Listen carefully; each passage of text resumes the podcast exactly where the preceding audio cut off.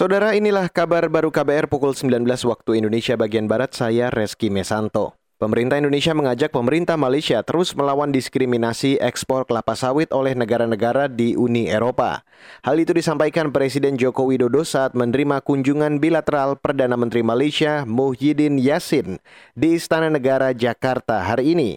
Jokowi berharap komitmen ini terus dilakukan agar komoditas kelapa sawit dari negara serumpun ini bisa tetap disuplai ke Uni Eropa. Yang kedua juga mengenai isu sawit, Indonesia akan terus berjuang untuk melawan diskriminasi terhadap sawit dan perjuangan tersebut akan lebih optimal jika dilakukan bersama dan Indonesia mengharapkan uh, komitmen yang sama dengan Malaysia mengenai isu sawit ini. Itu tadi Presiden Joko Widodo. Desember tahun lalu Indonesia menggugat Uni Eropa ke Organisasi Perdagangan Dunia atau WTO. Sebabnya Uni Eropa dinilai telah bersikap diskriminatif terhadap produk minyak sawit Indonesia dan produk turunannya. Hal itu berdampak pada ekspor kelapa sawit Indonesia ke Uni Eropa. Namun, menurut Duta Besar Uni Eropa untuk Indonesia, Vincent Piquet, menyatakan nilai ekspor kelapa sawit Indonesia ke Uni Eropa naik 27 persen pada tahun lalu. Beralih ke informasi selanjutnya, Saudara, Kejaksaan Agung menyatakan berkas perkara kerumunan di Petamburan dengan tersangka bekas pimpinan FPI Rizik Sihab telah dinyatakan lengkap.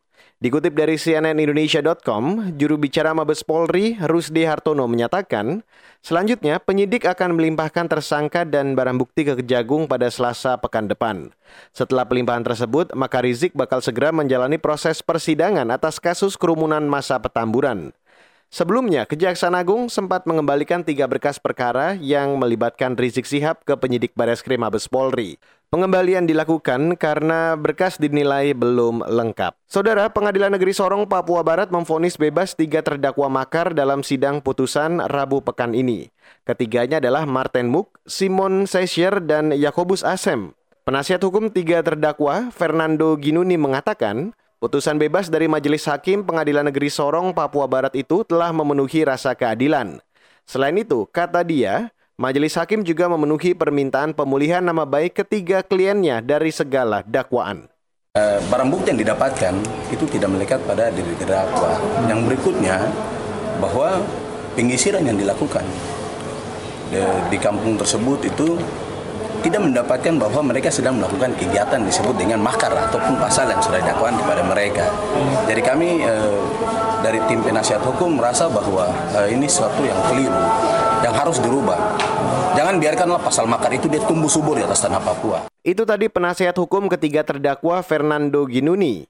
April tahun lalu, Martin Muk, Simon Seisher, dan Yakobus Eisem ditangkap tim kepolisian Resor Sorong Selatan saat berjalan di tengah hutan kampung di Kampung Tigih Mana, Distrik Aifat.